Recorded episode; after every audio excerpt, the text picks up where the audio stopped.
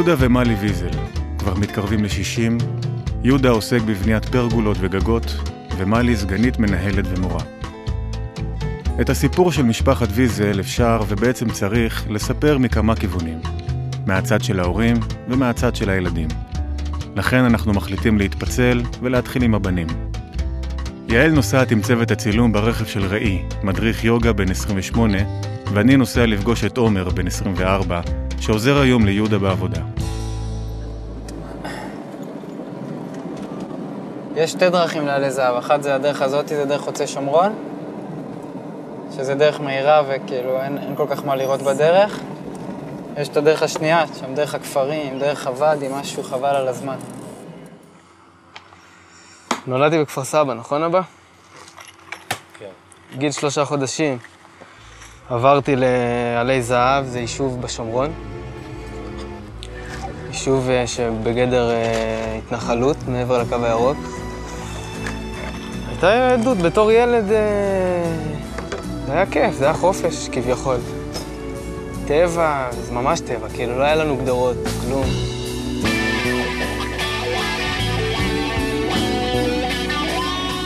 למדתי בית ספר יסודי בבית אריה, וכזה מצאתי את עצמי כזה קצת עוף מוזר. חוזר הניגון כאילו, לא יודע, הרגשתי שהחברה מאוד אלימה כזאת, לא יודע, הייתי אולי עדין יותר, או התחלתי כבר לשמוע מוזיקה שונה מכל החבר'ה שגדלתי איתם, ורציתי חברים אה, כאלה פריקים, שיער ארוך רציתי, מגניבים כאלה וזה. ואז כולם היו צריכים לעבור לתיכון, אז הלכתי לחפש פנימייה. והסתובבנו בארץ עם ההורים, והלכנו לשדה בוקר, נכנסתי, ראיתי חבורה של אנשים יושבים על הדשא, שיער ארוך, גיטרה, פריקים כאלה, צבעוניים. אמרתי, זה המקום שלי. הייתה תקופה חזקה בשדה בוקר, ממש.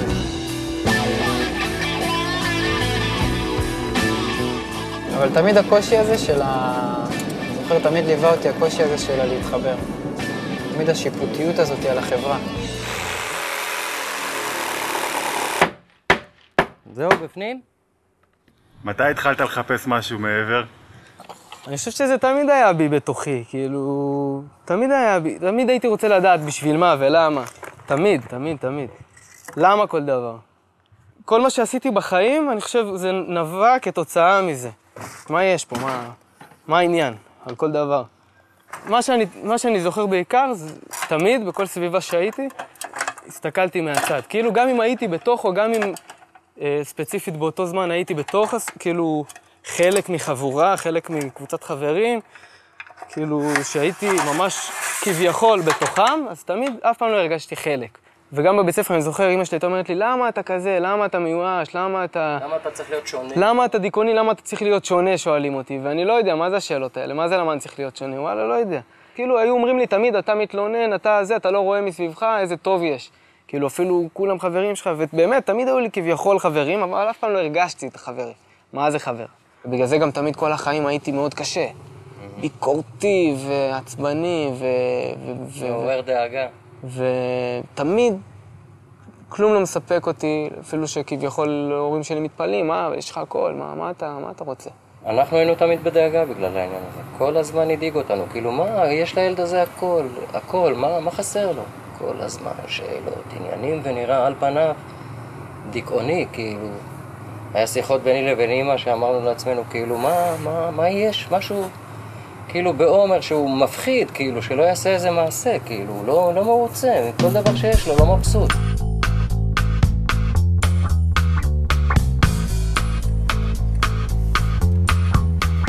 אני באמת התחלתי ללמוד קבלה לפני עומר, והוא... ואז הוא גילה, את... הוא גילה איזה קליפ של רב ככה באינטרנט, בפוקס, ואז הוא נכנס לעניינים. אבל אה, אני התחלתי ללמוד לא, לא עם לב ברוך,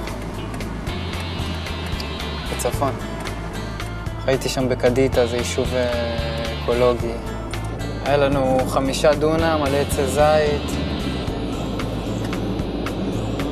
עבדנו שם בשטח. אה, קיצור, היה שם גן עדן, כל מי שבא לשם אמר, וואו, איפה אתם חיים, איזה גן עדן. באמת זה גן עדן, קדיטה. על פניו גן עדן.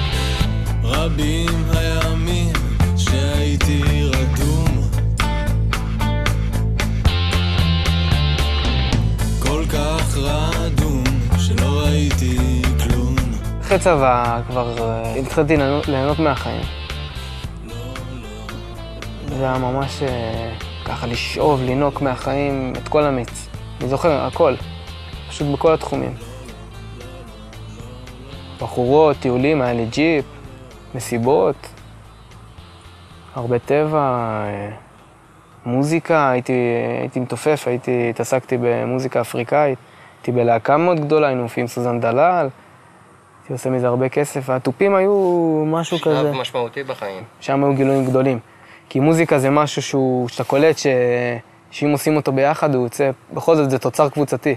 עד שבשלב מסוים הבנתי שאין צ'אנס, כאילו הייתי קרוב לטוס למערב אפריקה עם הלהקה הזאת שהייתי בה, הבנתי שאין, שזה לא הולך פשוט. לא רוצים, אנשים לא, מבפנים לא, לא רוצים את זה, הם נדחים מזה והכל הכל נגד זה, זה פשוט, כל אחד רוצה לתופף הכי מהר, הכי חזק, הכי מתוחכם. ואתה רואה, יושבים, ואף אחד לא נהנה ממה שאחר עושה, אפילו אם הוא עושה משהו מדהים. ניסיתי לאחד את הלהקה שהייתי בה, ותמיד הייתי מדבר עם אנשים, וכל מה שהייתי שומע זה דברים רעים על אנשים אחרים. עד שעזבתי את כל זה.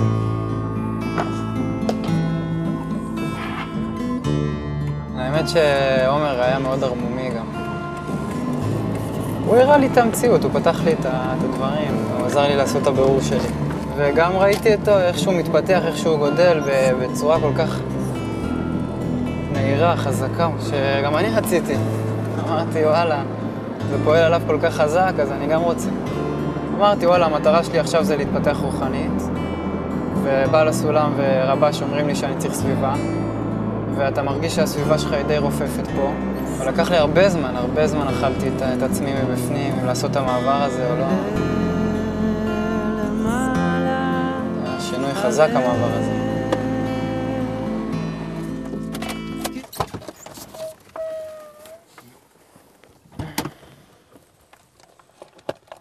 ברוכים הבאים.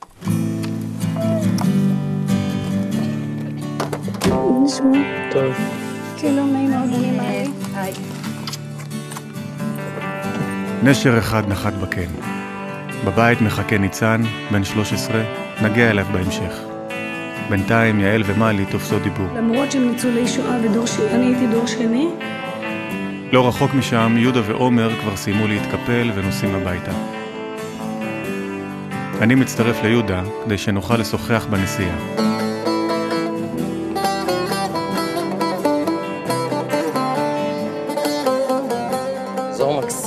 מקסים פה, אזור מבחינת טבע, ממש כל פעם שאני נוסע פה, אני נהנה מחדש. חוזר מהעיר, מכל הרעש והבלגן, מגיע לפה, זה מעלה, הנה, זה הנחל, פה נחל שילה זורם. זה מעלה חיוך על פניי, הקטע הזה. את מלי הכרתי בחתונה של אחי הגדול. מלי הייתה חברה של אה, אשת אחי. היא הייתה מוזמנת כחברת כיתה לחתונה. אחרי החתונה ביקשתי מגיסתי את הטלפון של מעלי. כשדיברנו אמרתי לה שאני יהודה מהחתונה שישבנו יחד ותיאמנו פגישה. אני כבר עשיתי בירור קודם מה היא אוהבת, מה, מה יכול לעניין אותה, וקיבלתי אינפורמציה מגיסתי שהיא חולה על חווה אלברשטיין, ודאגתי לקנות כרטיסים להופעה של חווה אלברשטיין. וכנראה שזה עשה את שלו, ומשם התחילה הדרך עד היום. כי כולנו, כן כולנו, כולנו רקמה אנושית אחת חיה. איפה עצרנו? אצלנו שההשפעה של הבית, בית הורים... דיברת על, ה, על הבית של, ה, של ההורים, שהיה כאילו סך הכל מאוד לא אופייני לניצולי שואה, גם מאוד מפנק ומאוד אוהב אורחים ומאוד... אה, ומה שהיה עוד יותר מפתיע זה כמה ההורים שלך היו הורים אה, משחררים, ובלי... לא סחבו איתם את הפחדים שלהם. אבל הם לא דיברו אף פעם, לא עד... אני חושבת שהייתי בת 40, וזה בדיוק היה לי יום חופשי, יום השואה, ולקחתי את אמא שלי לרופא שיניים. אמרתי לאמא שלי, אמא, אני כבר אימא לילדים, ואני לא מכירה את הסיפור של הסיפור האמיתי של מה שקרה בשואה. אני אז ידעתי את הסיפור של אבא שלי, כי זה סיפור הירואי. כפרטיזן, ילד פרטיזן, ושל לוחם, כאילו, זו תחושה שמאוד טובה, שאתה לא קורבן. ערך המשפחה, בטוח שלקחנו מהם. כי לא היה להם אף אחד, היה להם אחד את השני. אני זוכרת שהגיע הצוות של סטיבן שפילברג לצלם את, ה... את הוריי בבית, ואבא שלי אמר משפט מה זה חזק, יש לי עד פה את הזה, הוא אמר לי, הוא אמר לצלם שהניצחון שלו הכי גדול שהוא הקים משפחה עם ילדים, ואז כבר היו נכדים, וזה הניצחון שלו הכי גדול על הגרמנים. זה משפט ככה שמאוד משמעותי. זה העוגן הכי משמעותי של האדם, משפחה. המשפחה הביולוגית שלו. משפחה ביולוגית, ואני חושבת אחר כך, שאחר כך, עם הזמן גם החברים הופכים להיות משפחה. לא יודע, איפשהו אתה רואה בחיים ש... שהחברים שלך, מעבר באמת ל... לשניים, שלושה זוגות האלה שנשארנו איתם חברים, שהיא בנויה איפשהו על איזשהו אינטרס, או שבאמת חבר, עד שהוא לא צריך ממך איזה משהו, יהודה תוביל לי איזה מקרר, או יהודה אני צריך את האוטו שלך שתוביל לי איזה תנור, או שאני צריך ממך מקדחה או סולם, אז זה לא, לא חברי אמת. ככה, ככה הרגשנו.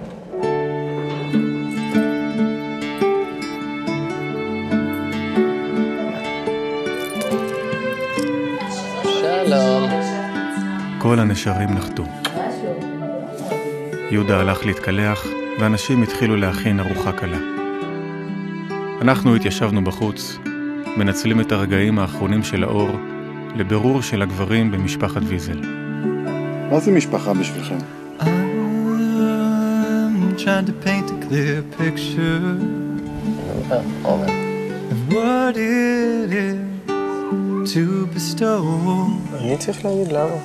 למה לא? אני צריך לחשוב לפני. אגיד. when we know we can't live like this anymore. זה באמת בלי, אין פה עניין של שכל, זה הרגשה טהורה של, אה, של יחד, של... אה, שאני אעשה הכל בשביל האנשים האלה. אני אומר את זה ישר מה, מה, מה, מהאינסטינקט, כאילו, לא- בכלל בלי קשר לזה שאני לומד קבלה או כלום. נגיד עם עומר, אנחנו אה, שנינו כבר בחורים גדולים, אז כאילו לא משנה מה, מה הוא יגיד לי או כמה, הרבה יותר קל לי לוותר לו, בגלל שהוא אח שלי. כאילו, אני לא שומר לו טינה. אם לא היינו אחים, כבר. היינו, נראה לי, מחסלים אחד את השני. אנחנו מאוד שונים, ממש, בטירוף. פשוט אני, זה ממש, אני מרגיש שהוא חלק ממני, ועליי אני גם, כי כמה אני יכול לכעוס על עצמי? תמיד. הרגשת ככה? תמיד, תמיד, תמיד, תמיד. היה הרבה דברים, עברנו הרבה דברים.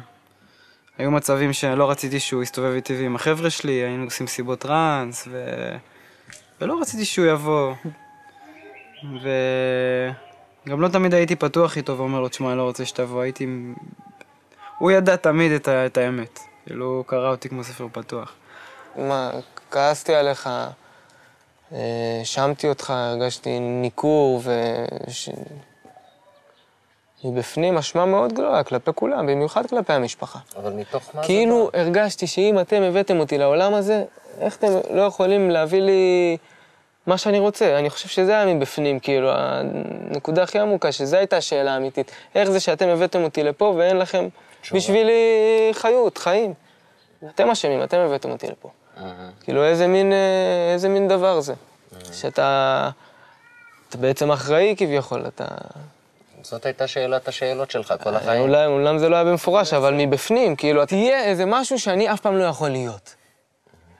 כאילו... ציפית שאני אהיה אח גדול יותר, כאילו, יותר ציפיתי- מחבק, יותר יזמין אותך להיות, יותר אה, ירצה ציפיתי בחברתך. שתהיה איתי פשוט, לא שאני יודע ארצה מה. בחברתך. שתהיה, אני, אני ככה, כי לא אני זוכר. אתה יודע מה אני זוכר מהתקופה איתי, הזאת? כאילו. ראיתי את הכעס שלך כלפיי, כאילו, בפנים, בפנים שלי ידעתי למה, אבל לא, לא יכלתי לבצע את זה. זאת אומרת, הרצון לקבל שלי היה יותר מדי חזק בשביל, אה, בשביל הצרכים שלי, ומאשר לספק לך את הדבר הזה. אני הרגשתי שאתה רוצה בחברתי, ואני לא רוצה בחברתך.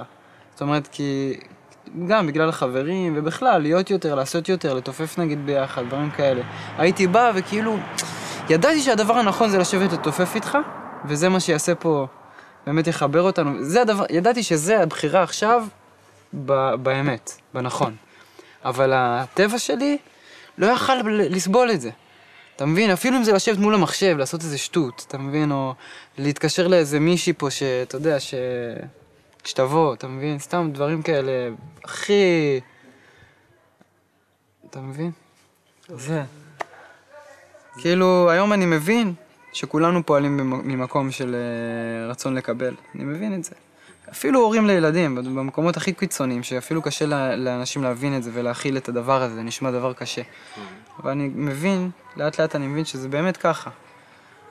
אבל עדיין תמיד הייתה את ההרגשה, תמיד במשפחה, לא משנה מה עברנו, לא משנה איפה היינו, שתמיד זה, זה הבית שלי, תמיד אה, אני נמצא בעדיפות ראשונה אצל ההורים שלי, תמיד מקבל את כל החום שאני צריך, את כל העזרה, את כל התמיכה, בכל המישורים, בכל הרבדים, לא היה בזה ספק. וזה מקום שנשאר חם, תמיד בפנים, שאין מה לעשות איתו, לא משנה מה.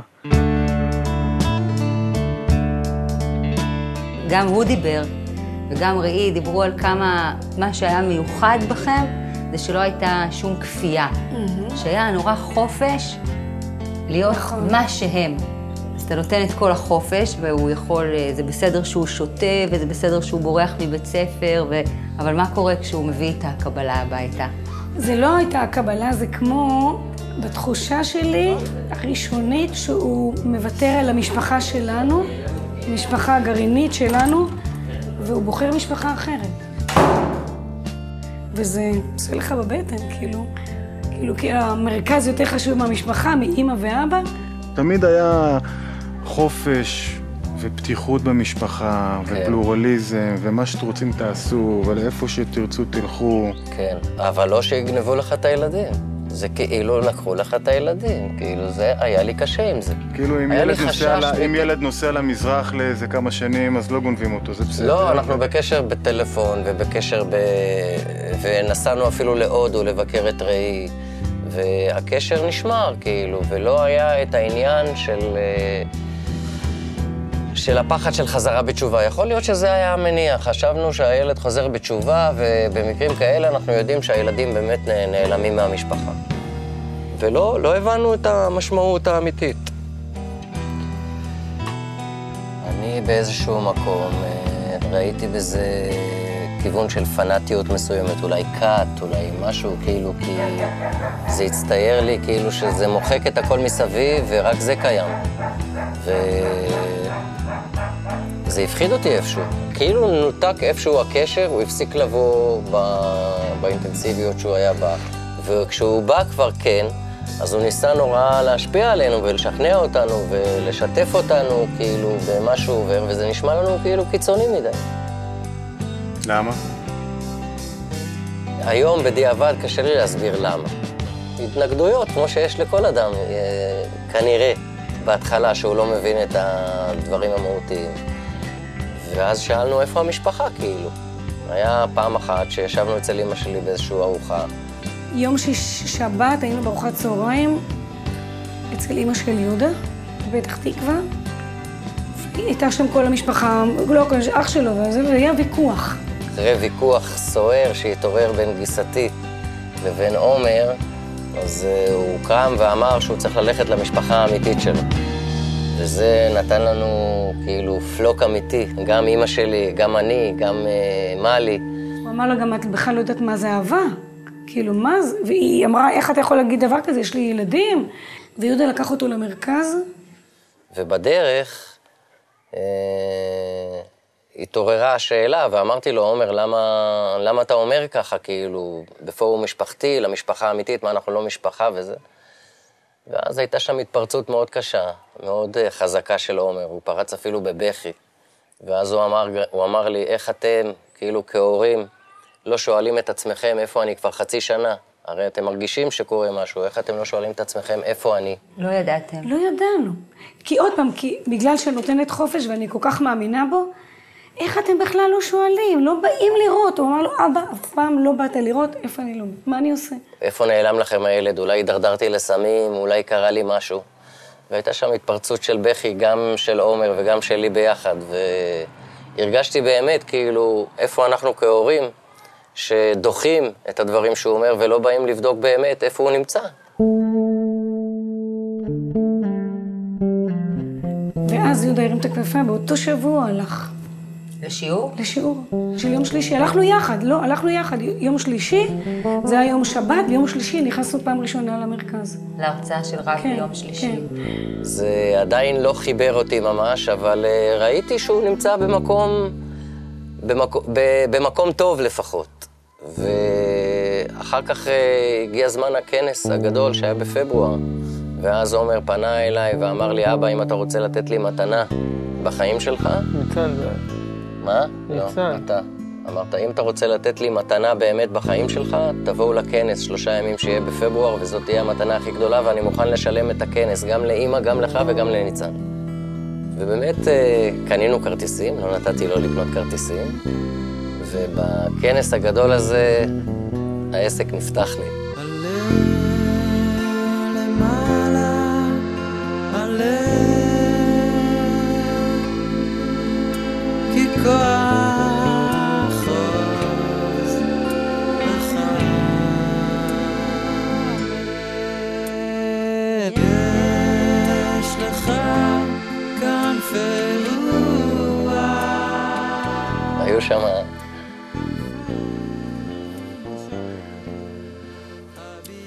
מדבר על זה בא לי לבכות שוב. היו שם רגעים שבכיתי, שיכולתי למלא דלי, אני חושב, בדמעות. רגעים מאוד מרגשים וחזקים.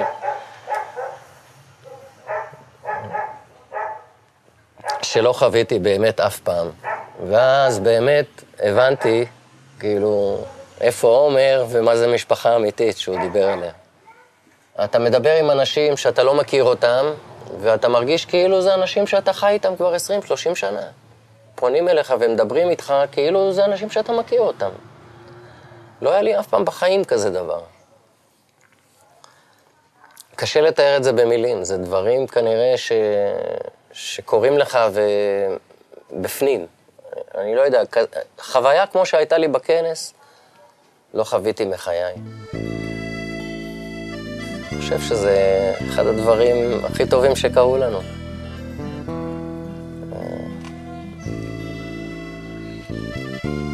אני מאוד שמח שניצן בגיל כזה צעיר נחשף לדברים האלה. שאני חושב שמגיל צעיר אפשר לשנות אה, תכונות ש... שבגיל מבוגר יותר הרבה יותר קשה לשנות אותן.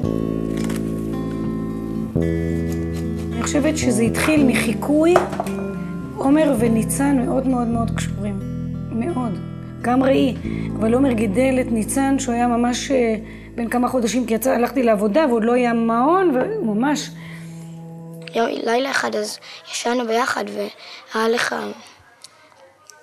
את הספר, קבלה למתחיל, ושאלתי אותך, ואני גם הרגשתי משהו, אני הרגשתי, אני הרגשתי ש, שיש שם משהו, אבל לא ידעתי מה, כאילו לא ידעתי שזה הולך לת- לתת לי איזה משהו, זה לא יודע, כתוב כזה מאחורה, אמ, מי אני, מה מניע אותי, ובהתחלה לא כל כך גם הבנתי את השאלות האלה.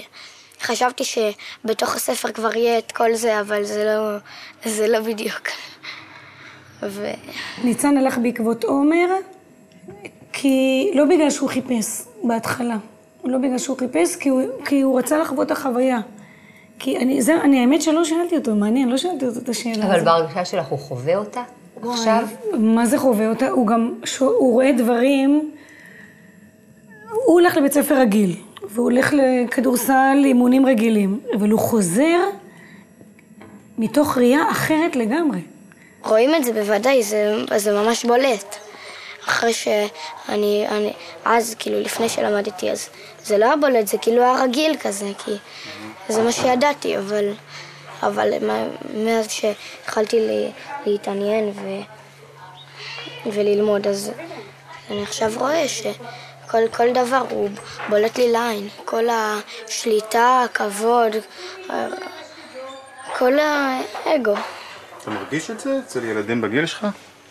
כן, אני באה לבית ספר ורואים את זה. הוא מספר לי סיפורים, ואחר כך הוא אומר לי, תראי, תראי מאיזה, מאיזה אגו הם פועלים. או הוא נמוך יחסית לקבוצה, הוא, הוא הכי נמוך בקבוצה. ולמרות הכל הוא שחקן מצוין. אבל את יודעת, אצל ילדים הם מכניסים. כל מיני כאלה שהוא נמוך, לא תמיד זורקים לו, כי הוא לא... כי...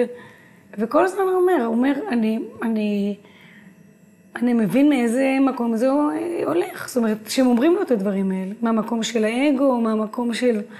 והוא פחות נפגע בגלל זה. ילד אחר, לא יודעת אם הוא היה ממשיך לשחק כדורסל. הוא מבין שהם צריכים אותו נמוך כן, כדי שהם יהיו גבוהים. בדיוק, בדיוק. מה זה, זה מאכזב, זה פוגע, מה ההרגשה? זה לא, זה לא פוגע, אז כי, כי זהו, זו המציאות, אי אפשר אה, לשנות את זה, אי אפשר... אבל אה, אני יותר ככה, אה, אני מבין את זה ואני יודע יותר איך, איך לפעול. והיו מפגשים, היו גם שיעורים בטלוויזיה, תוכניות בטלוויזיה, שהוא הלך. באתי בפעם הראשונה, והרגשתי טוב כזה, ואז כל הזמן רציתי לבוא עוד ועוד ועוד. והוא אומר לי, אמא, תראי מה זה. אם הייתי באה לקבוצה רגילה לילדים רגילים, אז הרי ילדים מאוד אוהבים להצטלם ולהתבלט, ו... הגעתי לשם, וכל אחד היה מוכן לוותר על התפקיד שלו, רק כדי שהוא יעשה את זה. והרגשתי משהו אחר, שאין אין ביום-יום. כל פעם שהייתי צריך ללכת, אז אני לא רציתי ללכת, כי היה, היה שם משהו אחר. זה עושה לו את זה, משהו... אני, אני, אני מחכה להיות במקום שלו. אני עוד לא במקום הזה. זה מדהים בעיניי שכאילו יש משהו שהורה יכול לחכות, להגיע אליו, שהילד שלו הגיע לפניו. נכון. שלושת הילדים שלי הגיעו לפני, ולפני יהודה. All of the children זה מתנה ממש... אמרת לי את זה. בשיעור בוקר האחרון שנפגשנו ביום שישי. באת אליי, חיבקת אותי, אמרת לי איזה מתנה. שאתה פה. that cannot be filled unless we come back again, where we will be one in a brand new world. There's a brand new world where the brand